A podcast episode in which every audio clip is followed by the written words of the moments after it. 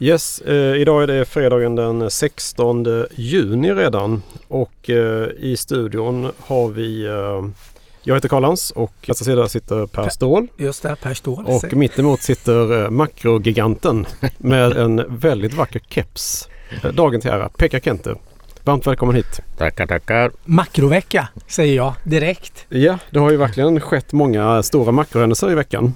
Alltifrån inflationsstatistik, ja, så viktiga eh, till... Ja, jag vet inte riktigt vad jag ska börja med men vi kan väl börja med svensk inflationsstatistik. Ja, det är väl spännande. Eftersom det påverkar ju alla Exakt. På, på det ena eller andra sättet. Men svensk inflation, visserligen så fortsatte den ju ner då men eh, inte riktigt i den utsträckning som man hade väntat sig. Och eh, det fanns ju förhoppningar om att eh, man har ju sett i Europa att inflationen har kommit ner lite snabbare än väntat. Vi såg Danmark kom med en inflation på 2,9 procent. Helt fantastiskt. Men sen var ju norsk inflation högre och så det var ju osäkert när det gäller den svenska siffran. Men eh, ja, inflationen ner men inte så mycket som väntat och det här är ju en besvikelse för Riksbanken. Och jag tror att det var sista spiken i kistan för att det blir en räntehöjning nu 29 juni. Och blir det en eller två räntehöjningar till eller vad, vad tror man nu? Liksom? Nej, alltså. Ja, jag skulle säga att, att man börjar väl luta åt att det kan bli två stycken. Eh, men det är tillväxten som spökar. Lite volatila inflationssiffror. Mm, men eh, så det kan nog bli två höjningar till. Men eh, jag skulle inte satsa mina, alla mina slantar på det. Men om vi ändå pratar höjningar. Det har varit eh, tre tunga eh, centralbanksmöten i veckan. Ja, om, vi, om vi börjar med det som var först ut, det var ja. Fed. Ja, Fed var först ut på och dansade på estraden och eh, de valde ju att ha en räntepaus. Så de lät, lät sin styrränta ligga kvar i spannet 5,0 till 5,25 procent. Det var ju lite väntat. Eh, kommunikationsmässigt så, så tydde det på att de skulle ta en paus. Däremot så var man ju ganska aggressiva när det gällde räntesättningen framöver. Dels de här prognoserna som de här enskilda ledamöterna i den här räntesättande kommittén levererade. Ja, då räknar man ju med att det ska bli eh, två höjningar till. Eh, och eh, Fed-chefen Jerome Powell var också tydlig med att det lutar åt en räntehöjning i juli Eh, så att eh, det var väl ett lite, lite tuffare besked än väntat ändå. Men eh, odd-börsen tog väl lite stryk inledningsvis men som vanligt i dessa dagar. Börsen är ju som en någon gammal boxare bara skakar av sig smällen och går in, går upp igen liksom. Ja, dagen efter kom ECB då och de höjde med 25 punkter. Så nu ligger deras styrränta på 4 procent blankt eh, och inlåningsräntan på 3,5. Och eh, där var de också, alltså Fed, ECB, förlåt, ECB-chefen Christine Lagarde. Hon, Madame Chanel. Ja, Madame Chanel. Hon var ju också eh, ganska tuff och i princip utlovade en ytterligare räntehöjning här i juli. Och det tog sig emot lite negativt av marknaden inledningsvis. Men eh, sen skakar man av sig den smällen också. Men påverkar det, tror du, Riksbanken just den här ECB att man kommer ytterligare göra en höjning? Är det, talar det för att det skulle kunna bli två höjningar eh, från Riksbanken till då? Vi ja. pratar juni, sen har man inget julimöte för då är det semester. Och sen är det, är det septembermöte? Ja, det blir väl eh, Ja, jag ska inte svära på Nej, nej, men, men, men, men ganska jo, men september är det. Mm. Men är man pressad då av att ECB och, uh, höjer sig? Uh, är, är kraftfulla då så att säga i sina, sina åtstramningar? Tror du? Ja, det, jag, jag, tror att man påverkas av det i alla fall. Alltså, sen vet jag inte vilken utsträckning. Riksbanken har ju, om vi tittar så här under de senaste åren så har de ju följt ECB väldigt väl. Men, men de har ju också visat att de kan vara, att de kan gå en annan linje. Eh, men eh, ju mer Fed och ECB höjer, ju mer kronan tappar, eh, ju större blir det liksom sannolikheten att man kommer att behöva drämma till med fler räntehöjningar. Och ytterligare en nyckel är ju Norges bank kommer med sitt räntebesked i nästa vecka. Och eh, där, där trodde man ju att, eh, att eh, banken skulle ta, börja ta det lugnare och pausa och så nu kom det en chockartat hög inflationssiffra. Så de kanske drämmer till med 50 punkter. Eh, och Plus att norska kronor också är extremt svaga. Ja precis. Alltså det, är, det finns ju tydliga paralleller med liksom, överraskande hög inflation både i Norge och i Sverige och två valutor som har gått riktigt dåligt under det här ja, under en längre tid egentligen. Mm. Ja, det återstår att se vad det blir då. Det är lite Norden-fokus då, andra mm. hälften av juni. Mm. Men, och... Men får, jag bara lägga till en sak som jag tycker liksom folk har glömt bort i det här. Alltså att eh, både Federal Reserve och ECB lämnade ju prognoser över tillväxt bland annat. Och det var ju liksom väldigt surt alltså. Vi, man räknar med en tillväxt på liksom en procent give or take lite grann eh, både i år och nästa år. Liksom. Och så att det är några sura tillväxtår framför oss. Men det har inte marknaden tagit till sig riktigt? Nej. Om vi kollar nej. aktiemarknaden då? Nej, det är inget de litar på. Nej, och det, och, men, men nu, nu, nu är det kommit lite fler bett på att, att centralbanken stramar åt för hårt och att det kan komma en, en och att det ska bidra till att det verkligen kommer en recession. Liksom. Men en centralbank har vi kvar som inte stramar åt lika hårt som förväntat. Bank of Japan, det kom nu tidigt på morgonen, ja, svensk tid, fredag mm. morgonen. Och de ligger ju kvar med sin styrränta först då på minus 0,1 procent och sen har de ju även ett mål för tioårsräntan som ska pendla i ett intervall på plus minus eh, 0,5 procent kring noll.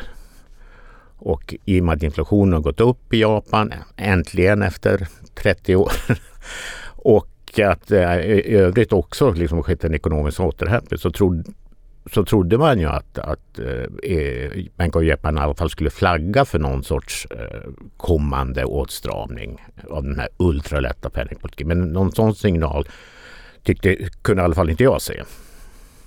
Men Japan har gått bra? Jag satt ju och tittade lite mm. på månadens fondvinnare nu och eh, då är ju Japanfonderna faktiskt, de ligger ju där hos, på de utvecklade marknaderna, ligger ju topp med, med USA-fonderna faktiskt.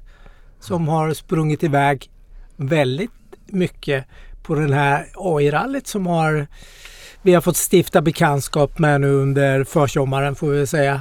Som även har drivit upp många, det är många nya rekordnoteringar senast igår. Särskilt världens största bolag har väl um, har ju noterat all time high så sent som igår faktiskt. Ja, och Både jag, Apple och Microsoft. Mm. Precis och Apple satt jag och räknade en liten rudimentär räkneövning. Det går den upp 2,2 procent till så blir det världens första bolag genom 3 triljoner dollar. Ja, eh, det har gått snabbt ifrån en till tre uppenbarligen. Mm. Det är som man brukar säga. Och det, och det var ju det här halvåret också när börsen skulle gå ner egentligen. Ja. Det är det som är lite lustigt. Ja, det är fantastiskt. Vi brukar raljera lite om det, eller skämta lite, beror på hur man ser på det.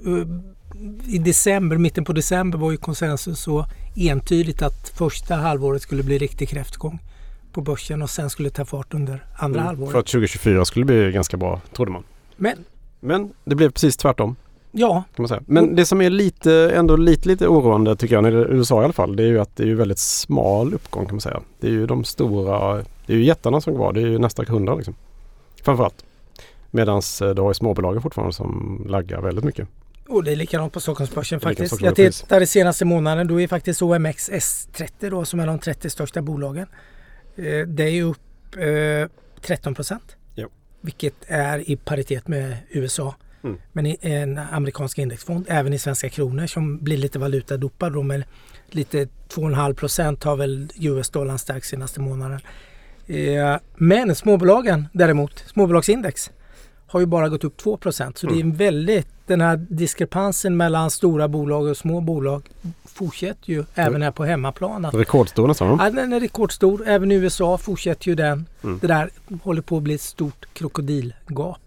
För egentligen vill man ju ha en, en bred uppgång så, så, att säga. Men det Ja, det, det, vill man ju. Eh, eh, nu är jag inte helt säker men jag, jag tittar lite bakåt och eh, de två senaste gångerna när det har varit sånt här stort spann mellan till exempel Nasdaq 100 och Dow Jones. Det tror jag är liksom 27, 28. Exakt 2008 var det jag läste. Ja, och sen var det ju 99. Ja. IT-bubblan ja. Så, ja. Så, ja. Och det är vissa som då ser de här parallellerna precis som du säger. Ja. Att eh, ja, det här är kraschsignalen då istället. Mm. Ja, eller Ja, definitivt. Nej, men vi- poddar ju. Vi hade ju en trevlig podd i veckan med den Blackrock. asiatiska chefstrategen på Blackrock. Ja, just det. Så, som eh, just pratade om det. Han trodde ju väldigt mycket på AI. Det måste vi ju säga. Ja, han tog det verkligen på. ja. Han trodde Mm. på AI. Men han visste inte vart vi var i, i pen, är, vi, är vi 96? Mm. Eller är vi 99? Så att sannolikt blir det ju som med det mesta att det blir lite eh, overshooting. Att man kommer eh, trycka upp kurserna kanske lite väl mycket som man Ja, brukar ja göra. men, men alltså om man minns liksom eh, millenniebubblan liksom. Folk varnar ju för, för att det var en bubbla väldigt tidigt. Ja, det var och ju- sen ja, fortsatte ja. liksom börsen upp ett år. Liksom. Och 99 var väl eh, index upp 60 procent bara. Det var Ja. helt otroligt. Q4 99 minns jag särskilt för då rallade det på något magiskt och Nokia och de här, både Nokia och Ericsson hade, hade ju stora uppgångar redan fram till, eh, till fjärde kvartalet och eh, lyckades få ytterligare bränsle där. Syresättning som sen tappade i, ja, sen under vår, senvintern då när det började vända ner. Men sen är det ju också som du har varit inne på flera gånger att, att eh, det är många investerare som har legat fel i den här uppgångsfasen. Som inte har investerat, som har haft stora kassor. Ja, och det är lite det som Carl och jag pratade om precis att konsensus var ju att det skulle bli ett tufft första halvår eh, på de globala börserna och att kursuppgången eh, det skulle komma efter, efter sommaren. Det, det Mm. var ju liksom konsensus hösten, och det, konsensus var ju mångt och mycket från förvaltarna och därav var det positionerad med lite för stor kassa, eh, underviktad USA. Vi träffar väldigt många som var underviktade USA under vintern. Precis, var emerging markets var det man skulle ha. Ja, det var emerging markets. Du var underviktad tech framförallt också då. För Nasdaq hade ju ett horribelt år 2022 men det Mm. satt ju kvar då. Du visade den under hösten kommer jag ihåg. Men var ju jätteunderviktad av tech liksom. Den här alltså flödena till tech var väldigt små liksom. Så jag tror att många har gått bort sig. De inledningen det har kostat och nu kanske man kastar sig in då i de här stora drakarna då. Det är Mm. därför vi har sett den här sista Mm. skjutsen tror jag. Mycket med Apple och Microsoft som all time high. Nvidia ska vi inte prata om. Den var väl uppe i 430 dollar igår. Mm. Är ju upp eh, 200 procent tror jag i år. Alltså, som, eh, Den är väl bäst va? Mm. Men det är, väl, det är väl lite skönt då att den här gången är det retail-traderna som är först på bollarna och Ja men det, så är det nog. de stora Precis. investerarna har legat det lite... ligger lite snett och kommer in sent. Mm. Det brukar väl, man brukar väl säga att det är tvärtom. Liksom. Exakt. Ja. Nej, så det är ju spännande läge får man säga. Eh, Men en börs som inte hängt med i år är ju faktiskt Kina-börserna. exakt. Det Kina det. har gått väldigt dåligt. Den här återöppningen som det basuneras ut i december. det var väl ingen kraft i den riktigt. Nej, det har inte blivit någon riktigt kraft. Det har ju blivit lite Kina-puff tillväxtmässigt. Ja, det har kommit besvikelse nu och även en fjärde stor centralbank kom med besked. Och det var ju eh, Kinas centralbank som faktiskt sänkte räntan. Och det bidrog ju till ett litet lyft på Kinabörsen och andra asiatiska börser som man tror att ska komma mer stimulanser just av den eh, anledningen att tillväxten inte har fått den kraft som man trodde att den skulle få efter att man eh, släppte på restriktionerna. Vi fick en, ett, ett, några väldigt bra månader men nu ser vi att liksom kurvorna börjar, om inte peka ner så i alla fall plana ut eller ja, till och med dämpas något. Och där fick vi också lite input då. Dels är de kinesiska börserna extremt historiskt lågt värderade. Jag hittade en jätteintressant artikel i Financial Times där man tittade på de tio största amerikanska teknikbolagen kontra de tio största eh, kinesiska. Och jag, jag tänkte lite, det bara slog mig. För bara för tre, fyra år sedan snackade man ju om BAT-bolagen versus FANG-bolagen. Den här debatten är ju helt... Den, den, du, har ju inte den, eh, vad heter det, narrativet. Du pratar ju inte de termerna längre. Och, och de här tio största kinesiska teknikbolagen då. Man hade räknat sedan 15 januari 2020 då som att då började eh, covid ta fart i, i Kina, i Wuhan-området. Då, då började man med började man med de här nedstängningarna. Sen dess så är faktiskt de här kinesisk tech, de har tappat 300 miljoner US-dollar i, i market cap totalt. Det är Alibaba, Tencent. Miljarder tror jag du menar. Ja, 300 miljarder Mm. dollar. Medan de här amerikanska bolagen då, nu får ni hålla er i. De har då skapat 5 triljoner eh, Under samma tid. under samma tid, dollar såklart. Mm. Eh, i, i, i, börsvärde adderat på då. Så det här gapet har ju blivit eh, extremt. Vilket gör att extremt många, om jag pratar om att många var underviktade i USA vid årsskiftet och eh, kinesisk eller amerikansk tech så är det ju betydligt, betydligt historiskt låg undervikt för kinesisk tech och eh, även kinesiska aktier då. De eh, globala investerarna då, många pensionsfonder Men- som har halverat sina innehav. Även Warren Buffett har ju sålt ut både BYD Han sålde ju Tisa. Mm. Eh, så det, det har ju blivit eh, väldigt stor undervikt och plus att den är med i BOFA som eh, den här crowded trade. Det är ju att korta kinesiska aktier och det var väl lite den här förra uppgången vi såg i november var ju mycket teckningar. Ja. Man skulle täcka sina blankningspositioner. Att det var ju därför den rusade nästan 50 procent kinesiska indexet på 5-6 veckor. Ja. Och eh, den effekten kan man väl se igen för det verkar aktiviteten bland de globala investerarna det är inte att köpa det och blanka Mm. eh, kinesiska för Men kinesiska aktier är ju oinvesterbara är ju konsensus. I alla fall i väst. Ja men det, JP Morgan hade ju det som i vintras. De Mm. körde ju den mantran lite att de tyckte att det var Mm. Eh, oinvesterbart då. En storbank som är ute och säger så tycker På att. grund av den politiska risken helt enkelt. Eller? Exakt. Ja, det är väl huvudsakligen. Nej men sen, jag minns att jag tänkte det då i, eh, jag hade lite eh, Kina-exponerade fonder i oktober där faktiskt och tänkte att ja men nu säljer jag allting liksom. Men så hejdade jag mig precis i, när jag skulle trycka på säljknappen och tänkte att nej men det är precis när det här händer som man inte ska sälja. Och mycket riktigt fick jag ju 50 uppgång på ett par månader bara där. Så att sen sålde jag dem men, eh, men eh, i de, de lägena du tror att du ska sälja ska du säkert inte göra utan hejda dig själv. Nej och det var väl lite det här resonemanget. Jag, vad känner du nu Karl? Är du närmare köpknappen nu? N- när det gäller Kina Ja. eller allmänt? ah, Eh, Kina? Alltså men om du jag- vill leta något som är lite billigt? Nej men jag är fortsatt, fortsatt skeptisk till Kina på grund av den politiska risken ska jag säga. Eh, Jag tycker att det är, eh, det är en risk som jag inte kan bedöma och det kan ske något väldigt plötsligt som, som är otrevligt tänker jag. Särskilt med Taiwan. Men du vill inte köpa de här kinesiska techbolagen till, de är ju superbilliga egentligen. Alltså jag såg Alibaba var, hade P 114 som högst. Ja. Eh, när det begav sig. när det var BAT som gällde och eh, nu handlas den, eh, det beror på om man tittar på innevarande år och nästkommande men det är någonstans mellan runt 15, 6, liksom det är ju Det är nere där, Det är- där, där Meta var ungefär då i höstas Ja. kan man säga. Nej men jag tror att man kan, eh, alltså om man ska bottenfiska så tror jag att eh, bottenfiska är mer trygga vatten eh, nu faktiskt. Så att jag, alltså det är ett väldigt svårt läge för att det, vi har ju de här historiska parallellerna när, när uppgången, när det om typen av smala uppgångar bland storbolag som vi pratade om, vad som då brukar hända. Eh, men, men, men det kan ju också vara så att, att resten av marknaden också tar fart så att vi, vi får en uppgång bland, i så fall är det småbolag du ska eh, kolla på. Du ska kolla i sektorer som kanske har gått dåligt som till exempel fastighet och bygg till exempel. Om du nu vill bort, bottenfiska. Och hoppas att du får se en vändning där då när räntetoppen är nådd kanske. Så att det, det är väl snarare där jag tittar nu om jag, när det gäller bottenfiske då.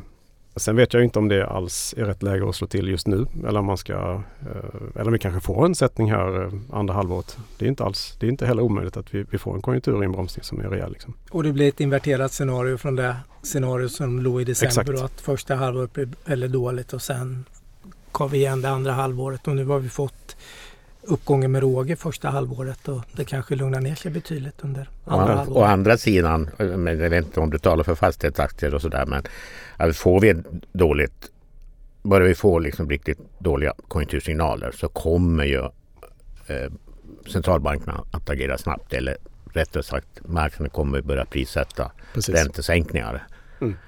Men det känner jag att marknaden är delad. Jag har träffat Mm. Blackrock, jag har varit i USA. De, de säger att ja, men den här gången är det annorlunda. Den här gången kommer inte Fed att komma liksom till, till räddning som den har gjort historiskt, eh, kanske sista 30 åren. Nej. Att den tiden är över. Jag vet inte var de har fått idén ifrån men den känner sig att den har ju rotat sig ut mycket makrostrateger. Ja, ett skäl är ju, är ju att arbetsmarknaden fortfarande är så, så stark. Och att om vi tar eh, det amerikanska, alltså, när man tittar på den här officiella sysselsättningsstatistiken och tittar på löneutvecklingen så ser det ju bra ut. Löneökningar, takten har kommit ner. Men tittar du på andra variabler eh, som jag är säker på att, eller andra lön, annan lönestatistik som jag är säker på att Federal Reserve kollar på så är fortfarande löneökningarna upptryckta på en historiskt hög nivå. Liksom. Så att, eh, visst, det blir ju svårt för framförallt Federal Reserve att motivera en räntesänkning utan en riktig ordentlig sättning i konjunkturen. Och att man i, kanske inte är beredda liksom att rädda finansmarknaden alla Ja, men då har du, Eller då, Greenspan. då har du ett Mm. upplägg då för en, en, ett sämre halvår eventuellt. Mm. Kan man säga. Men du ser en inbromsning i konjunkturen. Fed går inte in och räddar marknaden direkt. Då får, kan du få en ganska rejäl sättning kan jag tänka mig. Ja. Ja, spännande blir det. Ja. ja, men jag tittade lite på ehm, Ja, Eh, Flyg, flygplatsaktier faktiskt och eh, in, i, i synnerhet då på eh, Frankfurts flygplats, Fraport. Och största kunden till Frankfurts flygplats är ju din, en av dina favoritaktier. Aktier. det är ju Lufthansa ju.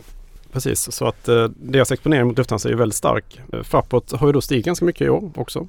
Aktien är upp med runt 20 men samtidigt är ju eh, senaste eh, flygstatistiken här var inte fullt så stark som man kunde tro faktiskt. Utan ehm, den ligger ungefär på 80% av 2019 års nivå. Och det är då först under kanske nästa år som man kommer upp i 2019 års nivå igen. Jag kan säga att jag, jag var ju på Frankfurts flygplats nu förra veckan här och jag tyckte den var, jag har aldrig sett den så full så att eh, jag vet inte riktigt hur de statistiken är just nu då men jag gissar att den är, det är snabb återhämtning ändå i alla fall. Du gjorde Eh. en Buffett-analys av flygbranschen genom att gå in på Flyga runt lite. Men Pekka, hur, eh, hur ser du på Lufthansa-aktien nu? Det är ju ett av dina stora innehav liksom.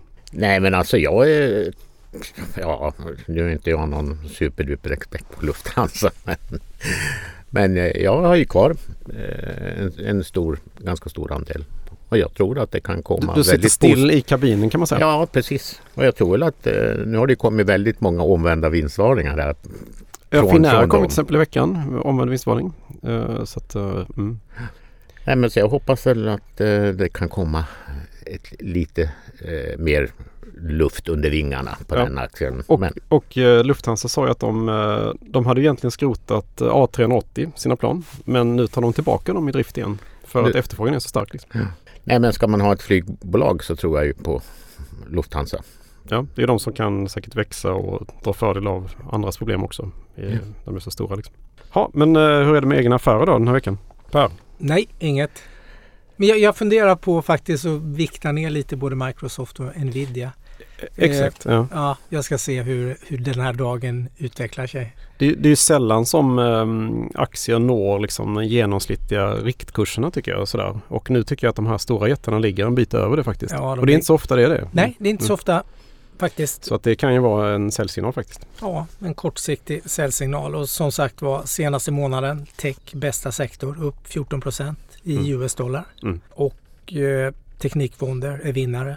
Särskilt då om du har litet AI med i namnet på fonden. Då har det gått. Det är precis som under, Riktigt, under IT-bubblan skulle man ha .com liksom. Mm.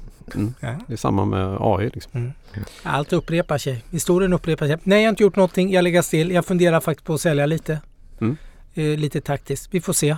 Pekka då? Jag har också legat still. Jag sa att jag skulle avvakta de här räntebeskeden innan jag tog ett beslut.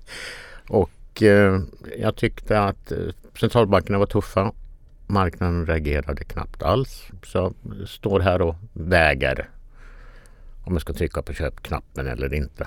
För jag har ju haft en ganska stor kassa under uppgångsfasen tyvärr. Du blev väl lurad av strategerna och konsensus där Jag i blev december. lurad av mig själv. Ja. Nej, och för egen del har jag, jag har inte gjort något den här veckan men eh, jag gillar ju bottenfiske som ni vet och eh, då är det ju fastighetssektorn jag tittar på. Om vi når räntetoppen här någonstans och eh, det kanske blir då en, den här scenariot med en eh, konjunkturinbromsning och där centralbankerna tvingas och, eh, och eh, dra i nödbromsen. Då kan vi få säkert en snabb återhämtning inom fastighetssektorn. Så att eh, under de senaste månaderna har jag ju plockat in eh, duttat som säger, i fastighetssektorn. Då.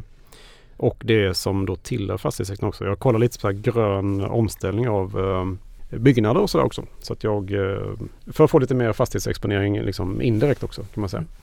Så att eh, det är väl där jag tittar nu och kanske ska börja titta lite mer på småbolagen också. Med tanke på den stora eh, skillnaden i värdering. Ja, det känner jag att det måste jag skriva om. Mm. Jag ska göra kanske nästa veckas uppgift eller veckan därpå. Börja grotta runt både på svensk och amerikansk småbolag. Mm. Eh, men eh, för ytterligare komplicera bilden bakom den här uppgången. Man kan ju säga att den amerikanska bankkrisen har bidragit till ett litet börsrally i och med att Fed faktiskt indirekt har fortsatt att eh, spruta ut pengar, kapital på marknaden. Som har letat sig till börsen troligtvis. Inget ont som inte har något gott med sig. Så Men det, är- men det är ju det som gör det så, så komplicerat i min hjärna. Just det där med att ja, ja, det var en bankkris som satte fart på, på köpen. Det känns, Mm. om det nu är så. Det är tvärtom allting. Mm. Yes, vi, eh, men tvärtom det, det är i alla fall helg nu. Så att eh, det, Det tar vet vi. Det vet vi säkert. Ja. Ja. Tack och hej. Tack, hej. Hej hej!